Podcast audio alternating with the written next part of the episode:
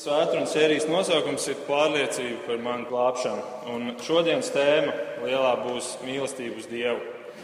Bet pirms mēs runājam par šodienas tēmu, es vēlos vispirms iedot tādu ievadu par to, kādēļ vispār ir svarīga drošība mums. Jo ir tā, ka daudziem, kuriem būtu pamats būt drošiem, viņi nav droši. Savukārt daudzi, kuriem nevajadzētu būt drošiem par savu ticību, viņi ir pārāk droši. Un tāpēc tas, kas mums ir jā, jādara, mums ir jāpārbauda sevi. Un to saka Pāvils 2. korintiešiem: pārbaudiet paši sevi, vai jūs stāvat ticībā, izmeklējiet paši sevi, jeb vai neesat pārliecināti, pārliecināti, ka Jēzus Kristus ir jūsos. Citādi jūs esat nederīgi. Un ja mēs tā padomājam, kas būtu vislabākais veids, kā mēs varētu pārliecināties? Kas būtu tas visdrošākais veids? Es teiktu, tikt klāt pie dzīvības grāmatas, tur, kur ir rakstīts visu glābto vārdu. Tikt klāt un pārbaudīt, vai mans vārds tur ir rakstīts. Bet, protams, mēs to nevaram. Un dzīvības grāmata ir aizīmogota ar septiņiem zīmogiem, kā mēs zinām, un to atvērt spēja tikai Dieva jēzus, viņš to arī izdarīs. Bet labā ziņa ir, ir vēl kāda grāmata. Un tajā nav rakstīts, kuri ir izglābtie, bet tajā ir rakstīts, kādi ir izglābtie, kādi viņi ir. Un kā jau jūs saprotat, tā grāmata ir Bībele. Un tādēļ tas, ko mēs šeit, šajā svētdienas sērijā vēlamies darīt, mēs vēlamies pārbaudīt savu ticību nevis pēc savām sajūtām, nevis pēc kaut kāda viena pagātnes notikuma, arī ne pēc tā, ka mēs salīdzinām, varbūt kādu mēs esam pret citiem, salīdzinot ar citiem, bet pēc šī Dieva vārda. Ko, ko Dieva vārds par to saka? Un šodien es jums uzdošu daudzus jautājumus. Un es vēlos, ka jūs tāpēc sakojat līdzi, un, un es ceru, ka tas, tas, ko es centīšos pateikt, tas arī kļūs skaidrs. Bet tāpēc sekojiet līdzi, un tā kā Raimons teica, arī ņemiet Bībeli un, un, un pārlasiet šīs rakstītas. Ja jums ir kur pierakstīt, pierakstiet viņas un iziet cauri viņām vēlreiz mājās. Un uh, uz šiem daudziem jautājumiem, uz dažiem es arī atbildēšu. Bet uz pārējiem lūdziet, lai Svētais Gars jums dod atbildes, lai Svētais Gars šīs svētdienas sērijas laikā dod jums atbildes un pārliecību. Pirmais jautājums ir, vai mums vispār ir jābūt drošiem, vai tas ir vajadzīgs, vai no tā ir kaut kāds ieguvums, vai varbūt tieši pretēji tas iedod tādu vieglprātīgu paļāvību un vienaldzību, un tu ej un esi pavirši varbūt pēc tam attiecībās ar Dievu. Un patiesībā man pirms pāris nedēļām arī sanāca saruna ar kristiešiem, dažiem, kuri, kuri nostāja bija tieši šādi, ka nē, tas ir slikti, nevajag to. Jo, ja tu nostādi sev tādā pozīcijā, ka tu esi drošs, tu pasaki, ka tu esi īstenībā lepns, ka tu pats esi paaugstinājis sevi un ka tas ir nevajadzīgi. Bet es tam nepiekrītu. Un nevis tādēļ, ka es to negribu, vai tāpēc, ka es to varbūt iekšēji esmu tā izdomājis, bet tāpēc, ka Dieva vārds to māca. Un šajā svētdienas sērijā mēs ņemsim cauri pirmo Jāņu vēstuli, tāpēc arī tās galvenās atbildes mēs meklēsim šeit. Un pirmā Jāņa vēstules autors ir Jānis, kurš no visiem apstuļiem visilgāk ir nodzīvojis pirmajā gadsimtā. Tā kā viņš raksta pirmo Jāņa vēstuli, tad vēsturnieki saka, ka patiesībā viņš jau ir pēdējais dzīvais apustulis. Tātad viņš visilgāk ir redzējis, kādi ir kristieši. Viņš ir redzējis, kādi kristieši nav, kādiem viņiem vajadzētu būt. Un eh, tādēļ viņš novelk tādus ļoti skaidrus robežas. Un vispār Jānis, salīdzinot ar pārējiem visiem autoriem, viņš ir ļoti melnbalts. Viņam ir ļoti krasi kontrasti, par kuriem viņš runā. Un, uh, viņš saka, ir gaisma un ir tumsa, ir dieva bērni un vēlnu bērni, ir kristieši un antikristi.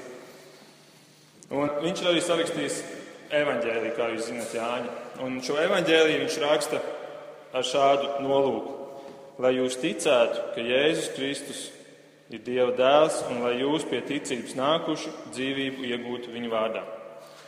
Tātad evaņģēliju viņš raksta, lai jūs ticētu. Evanģēliju viņš raksta, lai neticīgie sāku ticēt. Bet savu pirmā Jāņa vēstuli viņš raksta šādu mērķi.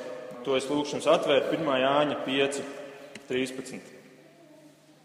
1. Jāņa 5, 13. To es jums rakstu, lai jūs zinātu, ka jums ir mūžīgā dzīvība, kas ticat Dieva dēla vārdam. Tātad evanģēlījums viņš raksta, lai mēs iegūtu ticību. Pirmā Jāņa vēstule viņš raksta, lai jūs iegūtu pārliecību par savu ticību. Un, ja mēs esam šajā svētdienas sērijā apņēmušies sēsties pie šī vecā vīra Jāņa kājām, lai mācītos no viņa un lai klausītos viņā, tad šis ir tas mērķis, ko viņš izvirz mums, lai mēs zinātu, ka mums ir mūžīgā dzīvība. Un, ja mēs apskatām šo teikumu tā bišķiņ dziļāk, ja, tad es domāju, ka lielākā daļa kristiešu teiktu, viņu pārfrāzētu un teiktu tā, To es jums rakstu, lai jūs cerētu, ka jums būs mūžīgā dzīvība. Ja? Un, ja mēs tā teiksim, uztaisītu tādu aptauju, es pieņemu, ka lielākā daļa pacelt roku pie varianta es ceru, ka man būs, nevis es zinu, ka man ir. Un patiesībā ir pat trīs varianti, kas nav šeit pateikti, kurus Jānis šeit nepasaka. Viņš nesaka, lai jūs cerētu, ka jums būs. Viņš arī nesaka, lai jūs cerētu, ka jums ir. Viņš arī nesaka, lai jūs zinātu, ka jums būs. Viņš saka pa pilno programmu, lai jūs zinātu, ka jums ir mūžīgā dzīvība. Tāpēc mēs varam nojaust, ka tajā, šajā viņa teikumā ir kāda dziļāka jēga un mēģināsim saprast to šodien. Jānis, tas nav tikai Jāņa teikums. Mums ir jāsaprot, ka to saka Dievs. Svētais gars ir ielicis Jānim sirdī un rokā, lai viņš šo raksta Un līdz ar to mēs varam teikt, ka caur Jāni Dievs saka uz jums visiem, es gribu, lai jūs zinātu, ka jums ir mūžīgā dzīvība. Jā, bet lai nerastos iespējas, ka Jānis varbūt te ir tāds, kā, melnbalts un varbūt viņš ir ļoti, ļoti tieši un varbūt pārāk tieši, tad paskatīsimies, ko citi saka jaunās derības autori. Ko saka Pēters, pirmās draudzes dibinātājs un vadonis? 1. Pētera 1, 3 līdz 5. 1. pētera 1, 3 līdz 5. Slavēts lai Dievs, mūsu Kunga, Jēzus Kristus Tēvs, kas savā lielajā žēlastībā mūs ir atdzemdinājis dzīvai cerībai. Ievērojiet, nevis cerībai, dzīvai cerībai, dzīvai tādai, kurai nav sakara ar nāvi, tāda, kura nemirs dzīvai cerībai ar Jēzus Kristus augšām celšanos no miroņiem, neiznīcīgam, neaptraipītam un nevīstošam mantojumam, kas ir uzglabāts debesīs jums, kas Dieva spēkā tiekat pasargāti ticībā pestīšanai, kas ir sagatavoti, lai atklātos pēdējā laikā. Tātad Pēters ir tik drošs, ka viņš saka, ka Dieva spēkā tu tiks pasargāts. Tas nav tavā spēkā, tas ir Dieva spēkā. Un viņš šo atbildību, jeb šo, šo nedrošību noliek malā un pasaka, ka man drošība tajā, ka Dievs būs tas, kurš pasargās. Ko saka Pāvils, jaunās derības top autors, visvairāk grāmatas sarakstījis? 1. Thessaloniķiešiem 5. 1. Thessaloniķiešiem 5, 23. Bet pats miera Dievs, lai jūs svētītu caur caurim un jūsu gars, dvēseli un miesa visā pilnībā lai paliek bezvainīgi līdz mūsu Kunga Jēzus Kristus atnākšanai. Un, ja mēs paskatāmies šo teikumu, tad kādā formā viņš ir uzrakstīts? Ko Pāvils mēģina šeit pateikt? Viņš saka, lai jūs Dievs svētī un lai jūs paliekat bezvainīgi. Kādā formā tas ir pateikts? Tā ir vēlēšanās. Pāvils saka, es vēlos, kaut jūs paliktu bezvainīgi līdz Kunga Jēzus Kristus atnākšanai. Un izlasam nākamo pantu, tur viņš atbild uz šo savu vēlēšanos. Viņš saka, jūsu aicinātājs ir uzticams, viņš būs arī darītājs. Tātad Pāvils ir drošs par to, ka pat ne tikai par sevi, bet par to, ka jūs visi, kas esat Kristū, Dievs būs tas, kas būs uzticams un pasargās jūs tādā stāvoklī, ka jūs paliksiet bezvainīgi līdz kunga Jēzus Kristus atnākšanai. Tātad Jānis ir drošs, Pēters ir drošs, Pāvils ir drošs, bet ko saka pats Jēzus, mūsu kungs? Un te mēs varam atvērt Jāņa 5, Jāņa evaņģēlijas 5, 24. Patiesi, patiesi es jums saku, kas manus vārdus dzird un tic tam, kas man sūtīs, tam ir mūžīgā dzīvība. Un tas nenāk tiesā, bet no nāves ir iegājis dzīvībā. Vai mēs šitos vārdus dzirdam, vai neliekas, ka viņi skan līdzīgi Jāņa vārdiem? Vēlos, lai jūs zinātu, ka jums ir mūžīgā dzīvība. Un Jānis trīs gadus staigāja kopā ar Jēzu, un tāpēc ļoti daudz kas no tā, kas ir pirmajā Jāņa vēstulē teikts, un mēs mūsu Bībeles grupā pēdējos mēnešus esam tieši izgājuši cauri, tāpēc, tāpēc es to tā arī ar pārliecību varu teikt. Ļoti daudzas lietas viņš citē ļoti tieši viens pret vienu, gandrīz vai no savu kungu Jēzus. Un šis ir tas pats. Viņš saka, es dzirdēju to no Jēzus, viņš to teica, un tāpēc arī es vēlos jums to dot. Es vēlos, lai jūs zinātu, ka jums ir mūžīgā dzīvība. Bet, ja mēs paskatāmies šo Jēzus teikumu, ko mēs redzam tajā? Divas lietas. Pirmkārt, viņš saka to pašu, ka es droši tev ir, nevis tev būs kādu dienu, tev ir jau mūžīgā dzīvība. Bet otrā lieta, viņš pasaka ko vēl daudz vairāk. Viņš pasaka, kādēļ tu vari būt drošs. Pats svarīgākais jautājums, kādēļ tu vari būt drošs? Kas manus vārdus dzird un tic tam, kas man sūtīs, tam ir mūžīgā dzīvība, un tas nenāk tiesā. Tas nenāk tiesā. Tā drošība par tavu stāvokli ir tajā, ka tu nenāks tiesā. Bet kāds var būt? Vai tad mēs visi netiksim tiesāti? Vai tad mums visiem nebūs tiesa? Visiem būs, bet mums tā tiesa ir jau notikusi. Kur, kad? Golgātā.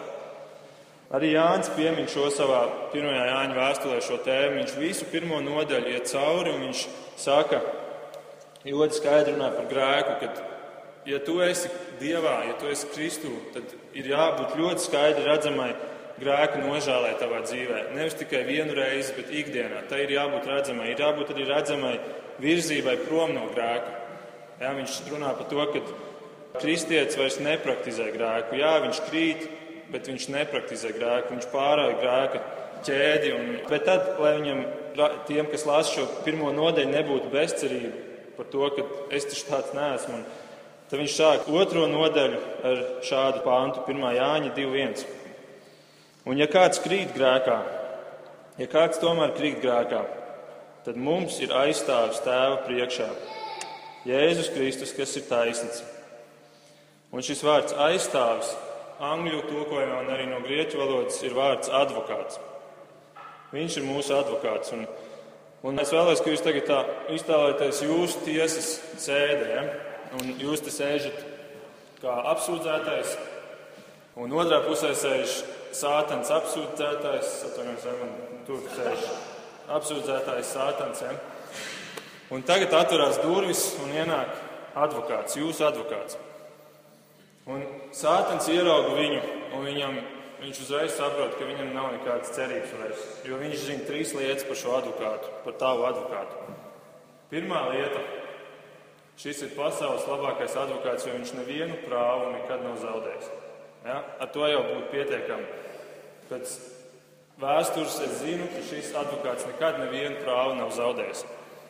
Bet otrā lieta - šis advokāts ir personīgi samaksājis jau to sodu, kas šim apsūdzētajam tev tiks piespriests. Viņš jau ir to samaksājis. Tas ir vispār neticami un tas ir, tas ir nekāda precedenta tāda nav, bet viņš jau ir to izdarījis. Ar to jau būtu pietiekami. Bet trešā lieta, ko Sātans zina un viņš redz, šis advokāts ir tiesneša dēls. Un tas to lietu padara vispār bezcerīgu. Ne? Sātanam jūsu, jūsu tiesā. Un, un tāpēc, ja Kristus ir tavs advokāts, tad tavā tiesas dienā tu saņemsi spriedumu, lieta ir izbeigta trūkstošu pierādījumu dēļ. Un tu tāpēc netiks tiesāts. Un, Ja tu netiksi tiesāts, tas nozīmē, ka tu jau dzīvo to dzīvi, kura sekos pēc tavas tiesas dienas. Un tas ir tas, ko Jānis saka, un ko Jēzus saka. Tev ir jau tava mūžīgā dzīvība, tu jau viņu esi sācis dzīvot. Un tāpēc jautājums, vai tu vari būt drošs? Jā, tu vari būt drošs. Jā. Bet ko tad man tas dod? Kāds man ir ieguvums no tā?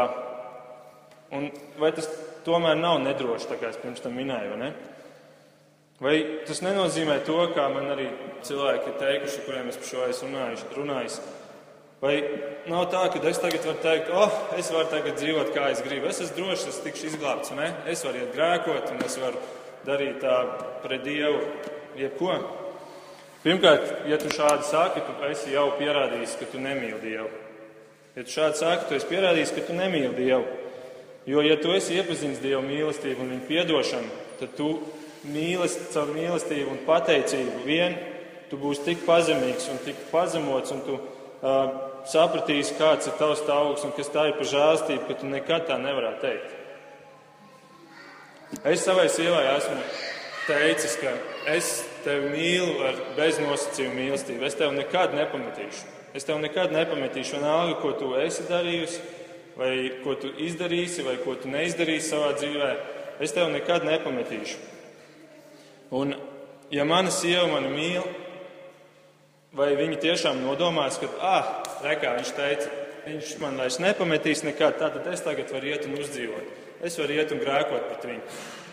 Ja viņa man patiesi mīl, vai, vai tomēr nav tā, ka tas viņai dod tieši pretējo, viņai tas dod drošību. Un Tas vairo tikai viņas mīlestību un tas dod tādu drošību, kas, kas dod ieguvumu. Un tāpat ir ar Dievu. Viņš tev dod beznosacījumu mīlestību. Un mēs tālāk redzēsim, ko Dieva vārds saka par šo beznosacījumu mīlestību. Un, un ar to, ka tu esi drošs par savu glābšanu, ar to Dievs tikai iegūst. Piemēram, tava slava Dieva priekšā. Ja? Tava slava, ja tu zini, ka tu esi glābts, tev būs pavisam cita slava. Tāpēc, ka kā tu vari vispār slavēt Dievu par to, tu nemaz nezini droši, vai tu beigās tiks izglābts. Kungs, es tevi slavēju, bet es neesmu nemaz drošs, vai tu beigās man izglābsi. Vai kāda slāva ir cilvēkam, kad viņš ir drošs par to? Kāda ir liecība tava? Ja tu ies un aicinās nākt pie Kristus, nākt pie Kristus, bet es pats neesmu drošs, vai Kristus man izglābs beigās. Tava liecība ir pavisam cita, ja tu esi drošs par to. Tātad, vai tu vari būt drošs? Jā. Vai Dievs vēlās, ka tu esi drošs? Jā. Un tad tagad ir jautājums, kā es varu būt drošs, kā es to varu pārbaudīt. Un te mēs nonākam pie šodienas tēmas, un mēs izskatīsim vairākus kritērijus par to, kā es varu pārbaudīt savu drošību, savu ticību Dievu priekšā. Nākamajās arī svētdienas sērijas reizēs, bet šodien mēs runāsim par pirmo un tādu ļoti plašo tēmu, jeb kritēriju, kas ir mīlestība uz Dievu. Es varētu jums uzdot jautājumu, vai tu mīli Dievu? Īsumā iekšēji ar galvu. Bet ko vispār nozīmē mīlēt Dievu? Ko tas nozīmē? Kā es to varu redzēt savā dzīvē? Vai es patiesi mīlu Dievu? Un kas vispār mīlestība ir? Sāksim ar to, kas ir mīlestība. Un tie, kas uzmanīgi klausījās, ko Raimons lasīja pirms tam, tie atcerās, ka 1. Jāņa 4. šodienas lasījumā bija teikts, Dievs ir mīlestība. Jā, sāksim ar to. Mīlestība ir Dievs, Dievs ir mīlestība. Un, ja pārējie trīs evaņģēlīja autori ļoti daudz runā par to, ko Jēzus izdarīja vai ko Dievs izdarīja, tad Jānis ļoti akcentē, kāds ir Dievs. Viņi saka, ko Dievs izdarīja, Jānis runā par to, kāds ir Dievs. Un Jānis saka, Dievs ir mīlestība, un mēs varam atšķirt vēlreiz 1. Jāņa 4, 18. pantu. Ir ļoti svarīgi, ka mēs saprotam šo pantu. Baiļu nav mīlestībā, bet pilnīga mīlestība aizdzen bailes, jo bailēm ir mokas. Kas baiļojas, nav sasniedzis pilnību mīlestībā. Ko, ko šis pants pasaka? Kas ir tās bailes? Un šis ir, manuprāt, viens no visbiežāk nepareizi interpretētajiem pantiem. Kas tās ir par bailēm? Bailes no augstuma, bailes no tumsas, bailes no zirnekļiem, bailes no jebkā dzīvē. Un šis īstenībā labs tāds piemērs, kur mēs varam pateikt, paskaties kontekstu, paskaties, par ko šī raksturvieta runā. Un tāpēc paiesim vienu pāntu atpakaļ un izlasīsim, kas ir pateikts pāntu iepriekš. Ar to mīlestība ir pie mums kļuvusi pilnīga, ka mums ir droša paļāvība tiesas dienā, jo kāds viņš ir, tāda arī mēs esam šajā pasaulē. Ar to mīlestība ir pie mums kļuvusi pilnīga, ka mums ir droša paļāvība tiesas dienā. Un pēc tam nākamajā pantā viņš saka, baiļu nav mīlestībā, bet pilnīga mīlestība aizdzen bailes. Redziet, Jānis šeit saka, ja tu neesi drošs par to, kas notiks tavā tiesas dienā, tu patiesībā neesi nekad patiesi izpratis Dieva mīlestību. Ja tu neesi drošs par to, kas notiks tavā tiesas dienā, ja tu neesi drošs par savu glābšanu, tu patiesībā nekad neesi patiesi izpratis Dieva mīlestību. Un padomājiet par to. Citiem vārdiem sakot, ja jūs izpratīsiet Dieva mīlestību, tad jūs būsiet droši, jūs varēsiet būt droši par savu glābšanu. Un atslēga tam visam ir nākamais pāns, 19. pāns, 1. jāņa 4, 19. Tad viņš saka, 17. Mīlestība kļūst pilnīga, ka mums ir droša paļāvība tiesas dienā. 18. pantā viņš saka, un baiļu nav mīlestībā, pilnīga mīlestība aizdzen bailes. Un 19. pantā viņš pasaka, atslēgu iedotam visam. Mīlēsim, jo viņš mūs pirmais ir mīlējis. Viņš mūs pirmais ir mīlējis, un pirms mēs vispār varējām viņu mīlēt, viņš jau mūs mīlēja. Pirms mēs vispār sākām viņu mīlēt, viņš jau mūs mīlēja. Tāpēc, pirms mēs varam runāt par mūsu mīlestību pret Dievu, mums ir jārunā par Viņa mīlestību pret mums. Un šī mīlestība izpaužās šādi. Un, un es tagad pateikšu apgalvojumu, un pēc tam mēs apskatīsimies arī raksturvietas. Un tas apgalvojums ir tāds, tā mīlestība izpaužās šādi, ka Dievam ir daudz lielāka ietekme uz tavu glābšanu, nekā tu spēj iedomāties. Dievam ir daudz lielāka ietekme, un tas ir tas, kas mums ir jāsaprot. Un, Un uh, šo mēs spējam saprast tikai tad, ja mēs klausāmies Dieva vārdā, jo tas bieži vien liekas pat neloģiski, tas liekas ārpus manām prāta robežām.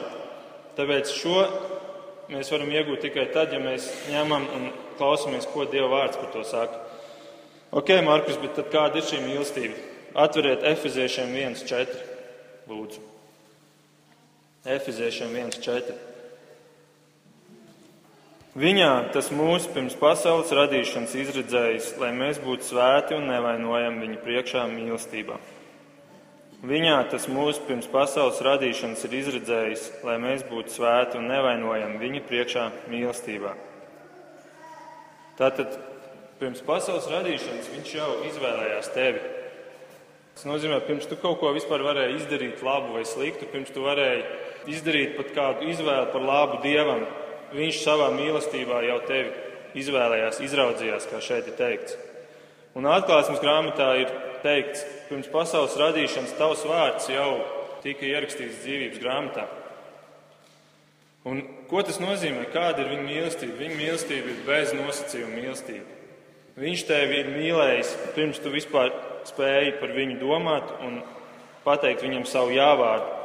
Tā ir beznosacījuma mīlestība. Un Un Jēzus saka, ne jūs mani esat izredzējuši, bet es jūs esmu izredzējis un nolicis, ka jūs ejat un nesat augļus, un jūsu augļi paliek.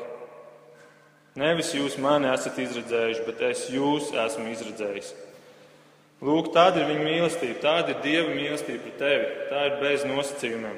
Vai tu to esi pelnījis, vai tu to esi nopelnījis? Nē, es neesmu.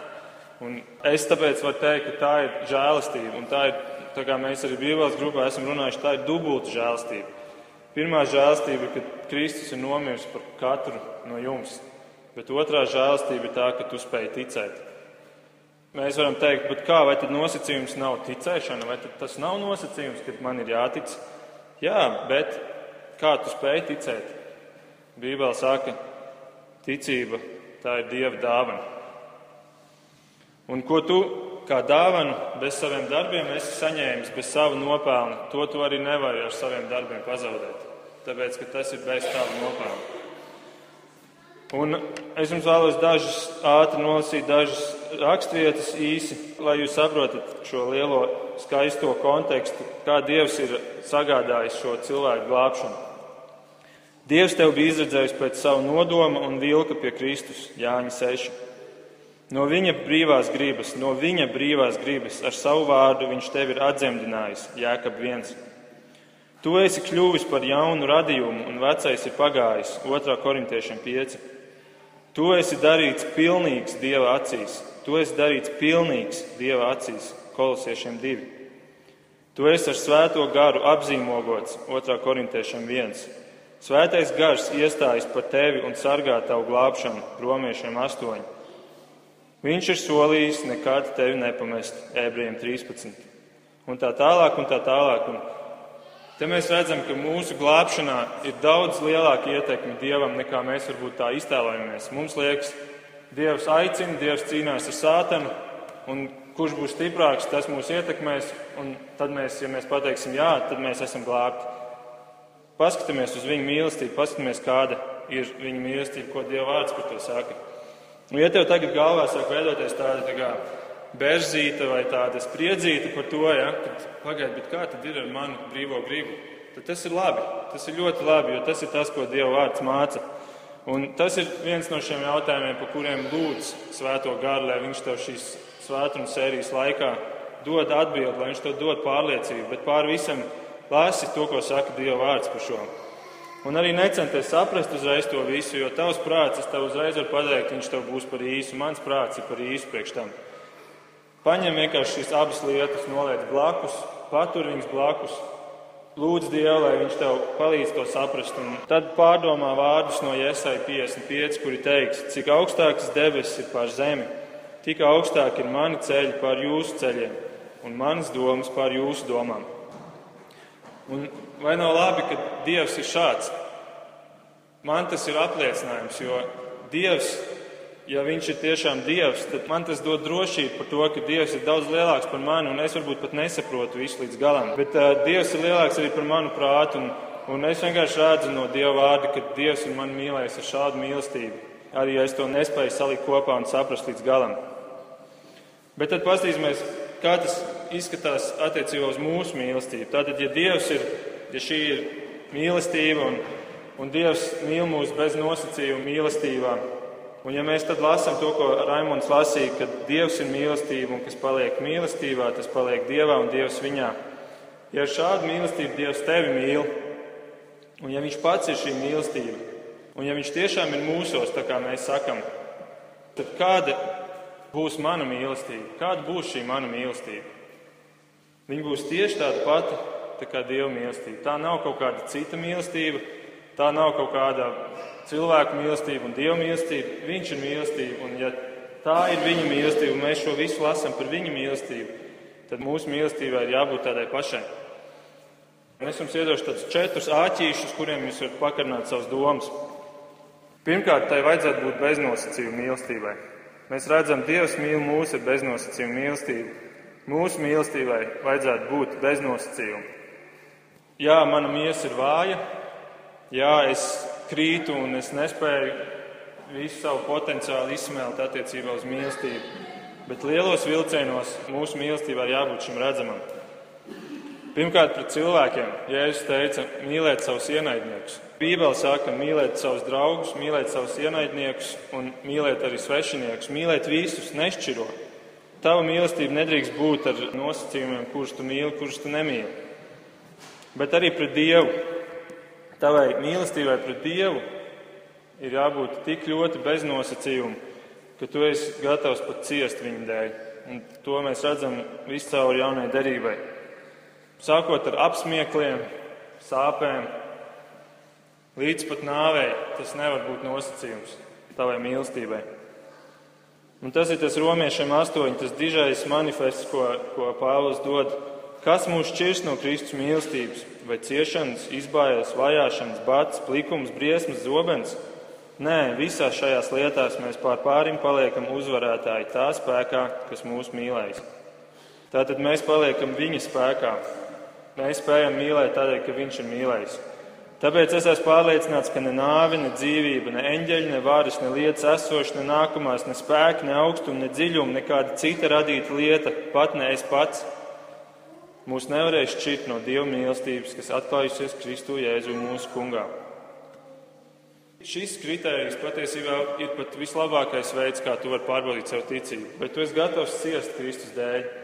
Mēs pat varam teikt, šeit dzīvojot Latvijā un šodienā, mēs varam teikt, ka Mums, diemžēl, nav iespējas pārbaudīt savu ticību šādā veidā. Mums nav iespējas, tāpēc, ka mēs dzīvojam tādos siltumnīcas apstākļos. Bet tas nav bijis visiem kristiešiem. Pirmā draudzē tā nebija. Apstuļu darbi pieci ir teikts, tad viņi līgsmi aizgāja no Sinedrija, ka bija atzīti par cienīgiem viņa vārdu dēļ ciest negodu. Viņi ir līgsmi par to. Viņi ir līgsmi, ka viņi ir atzīti par cienīgiem Jēzus vārdu dēļ ciest negodu. Un Jēzus pats saka Kalnu svētrunā, Matei 5. Svētīgi taisnības dēļ vajātie, jo tiem pieder debesu valstība. Svētīgi jūs esat, ja jūs lamā un vajā un ar meliem par jums runā visu ļaunu manis dēļ. Vai tu justos svētīgs, vai tu justos līksms, ka tev kaut kas tāds notiek, ka tev ir jācieš viņa dēļ? Cilvēcīgi nē, cilvēcīgi mēs visi gribam izvairīties no tā, un mēs mūkam prom no tā, un tas ir normāli. Bet, bet ja tas man dod pārliecību par to, ka es redzu, ka ja es ciešu viņa vārda dēļ, tas nozīmē, ka tas man dod drošību, tad tā ir svētība. Un mēs šeit, kā es teicu, mēs dzīvojam tādos apstākļos, ka mums pat ir bail no vismazākajām sadūšmītēm. Mums ir bail uzsākt sarunas ar nekristiešiem, par kuriem mēs zinām, viņi ir vērsti negatīvi pret kristētību. Mums ir bail, ka mums, mums kāds pasmiesies, Un tāpēc ir labi palasīt kaut vai misionāru liecības, lai dabūtu normālo bildi, lai mēs saprotam, kāds konteksts vispār tam visam ir. Un pēdējo 3-4 mēnešu laikā es esmu izlasījis divas grāmatas, vienu par Ugandas kristiešiem Āfrikā, otru par Rumānijas kristiešiem, kad viņiem bija komunismu laiks. Un, un tagad tu lasi tās liecības, ka tu lasi kādas lietas ar viņiem tiek darītas, bet viņi ir nelokāmi, gatavi ciest, un viņi pat lūdz par tiem, kuri viņiem dara pāri, tad, tad pilnīgi kauns pārņem par to, kā mums šeit ir. Mēs, mums ir tādas iespējas, un mums ir, mums ir kauns par mazākajām sadursmītēm. Un, un tad, kad tu lasi par šiem kristiešiem, tev liekas, tas ir kaut kas tik attāls, tik svešs, un viņi taču kaut kādi noteikti varoņi bija. Bet viņi nebija nekādi varoņi, viņi ir tavi brāļi un māsas, un ja viņi dzīvo šodien un šeit, viņi sēdē tev blakus baznīcas solā. Tāpēc, ja tu mīli Dievu, tad tev nebūs kauns par viņu. Ja tu mīli Dievu, tev nebūs nosacījums, kur dēļ tu būsi gatavs aizliegt viņa ticību. Ja tu mīli Dievu, pat nāve nebūs čērslis. Un, tas ir pirmais kriterijs, pirmais āķītis, uz kur jūs varat uzāķēt šo Dieva mīlestību, ja jūsu mīlestību par Dievu. Otrais, viņš man savā mīlestībā ir tik daudz piedevis, tik daudz piedevis, ka, ja es tiešām viņu mīlu, tad arī es būšu gatavs piedot. Es būšu gatavs piedot visu. Es būšu gatavs piedot visu. Un tas ir tas, ko Dievs parāda. Viņš ir gatavs tev piedot visu. Tad jautājums ir, kādu iemeslu dēļ tu saviem līdzcilvēkiem neesi gatavs piedot kaut ko? Vienalga, vai tas ir tavs sieva, vai vīrs, vai draugi, vienalga, ko viņi izdarītu pret tevi. Ja tu mīli Dievu, tu būsi gatavs piedot visu. Spērģents teica, tev nav piedots, ja tu nespēji piedot. Pārbaud to savā dzīvē.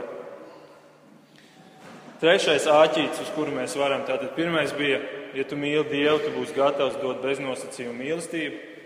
Otrais, ka tu piedos, ka tu būsi gatavs piedot visu. Trešais, kā jau es teicu, Jānis runā ļoti daudz par to, kāds ir Dievs, un Jānis nesauc Dievu tikai par mīlestību. Jūs varat atvērt 1. Jāņa 1, 5. pantu. Viņš saka, Dievs ir kas? Dievs ir gaisma, un viņā nav nekādas tumsības. Kas ir tumsība? Tumsība ir tas, ko mēs redzam pasaulē - vienaldzība, nāve, aklums, bet viņš ir gaisma, viņš ir dzīvība, evaņģēlijas. Un citā vietā Jānis saka, gaisma ir nākusi pasaulē, bet cilvēkiem tumsība ir bijusi mīļāka par gaismu, tāpēc ka viņu darbi bija ļauni. Un dabīgā reakcija uz šo gaismu ir, nē, man to nevajag. Un cilvēki tā kā vabolas, kad tu pacēl akmeni un tur apakšā vabolas, viņus uzreiz mūk prom no gaismas, rokās atkal zemē iekšā. Tas ir tas, kā kritušais cilvēks reaģē uz gaismu. Bet ja tu saki, ka tu mīli Dievu un ka Viņš mājo tevī, tad kas arī mājos tevī? Gaisma, šī Kristus, šī Dieva gaisma. Un ko tas nozīmē? Caur tevi plūdīs dzīvība, evaņģēlijas vēsts un, un dzīvība tur, kur tu esi, darbā vai ģimenē. Vai tavu darbu kolēģi zina, kas tu esi, vai viņi redz tavu dzīvi, vai tavi draugi to zina? Jo agrāk vai vēlāk tāpat kļūst redzams, ko cilvēks mīl. Ja tu mīli savu sievu, tad darba kolēģis to redzēs. Ja tu mīli Rīgas dīnāmo, darba kolēģis to redzēs agrāk vai vēlāk. Ja tu mīli Dievu, viņiem arī to vajadzētu redzēt. Un Jēzus saka, jūs esat pasaules gaisma.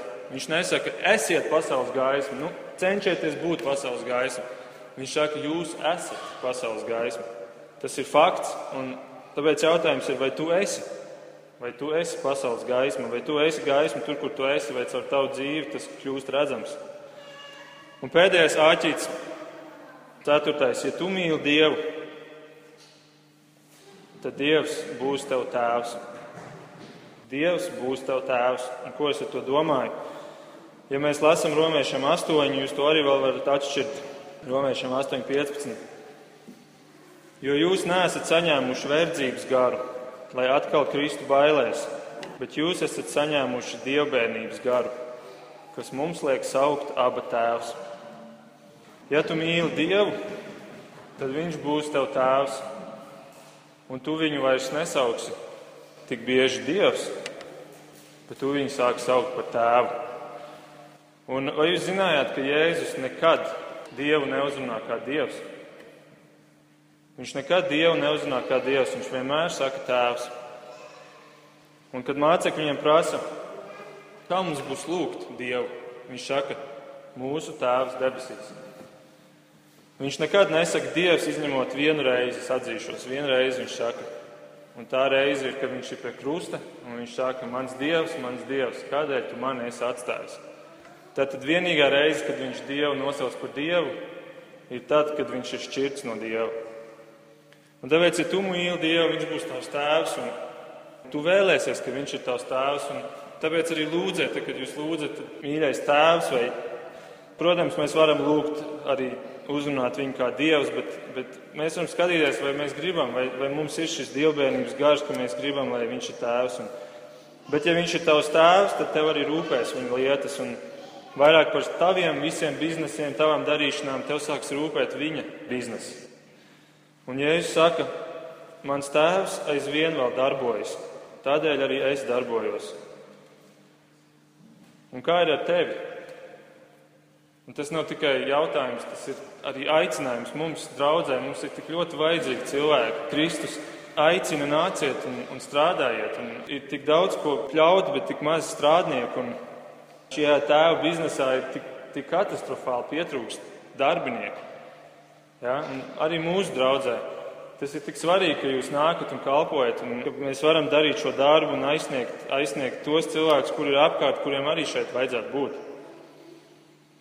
Pēc otrā pasaules kara, un ar šo es arī noslēgšu, pēc otrā pasaules kara Vācijā bija kāda baznīca, kura bija pilnīgi gar zemi nopļauta. Un tajā baznīcā bija tikai viena, viens priekšmets palicis vesels, Un tā bija Jēzus statuja, kur stāvēja šitā. Un tā statuja bija vesela, izņemot, viņai bija abas rokas nosistas nost.